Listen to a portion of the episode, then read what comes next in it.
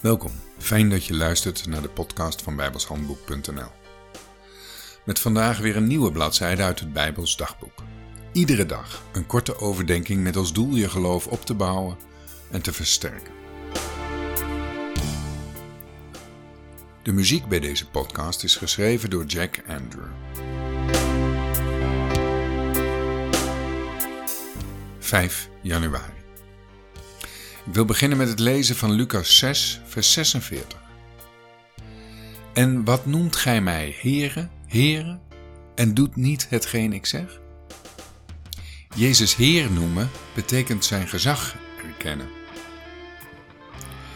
Maar hoe kan je iemand zijn gezag erkennen en tegelijkertijd negeren wat hij zegt? In aansluiting op vers 46 vertelt de heiland een gelijkenis of, zoals er staat, ik zal u tonen op wie men lijkt wanneer men mijn woord hoort en dezelfde doet. Het is goed om tot de Heer Jezus te komen en zijn woorden te horen, zoals de schare dat deed. Maar daar mag het niet bij blijven. Als kinderen van God behoren wij te leven onder het gezag van het woord van God. Het gezag in de Bijbel staat altijd in het kader van een persoonlijke relatie. De persoonlijke mens staat tegenover de persoonlijke God. Christen zijn betekent meer dan het aanvaarden van bepaalde leerstellingen of het veranderen van ons gedrag. In het christen zijn gaat het in de eerste plaats om het hebben van een persoonlijke relatie met de Schepper zelf. Na de bekering ontstaat er gemeenschap, contact, dialoog.